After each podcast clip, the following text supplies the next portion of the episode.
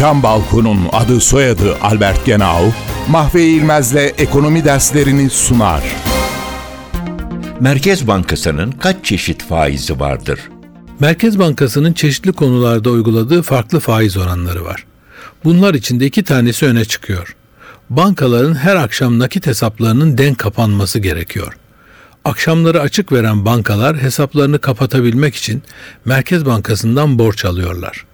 Buna karşılık bazı bankalar da fazla veriyor ve bu fazlayı karşılıksız olarak kasalarında tutmak istemiyor ve belirli bir faiz karşılığında Merkez Bankası'na ödünç veriyorlar.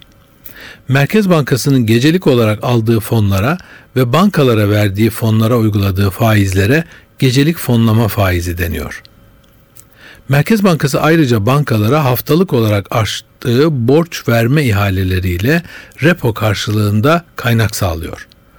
Buna uyguladığı faize de haftalık repo faizi ya da politika faizi deniyor. Merkez Bankası'nın uyguladığı bu iki faizin miktar ile ağırlıklandırılmış ortalamasına da ortalama fonlama maliyeti adı veriliyor. Dikkate alınması gereken asıl oran bu ortalama ağırlıklı fonlama maliyetidir.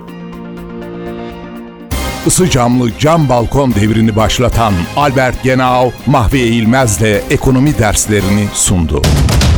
Balkondayız balkonda. Albertgenau.com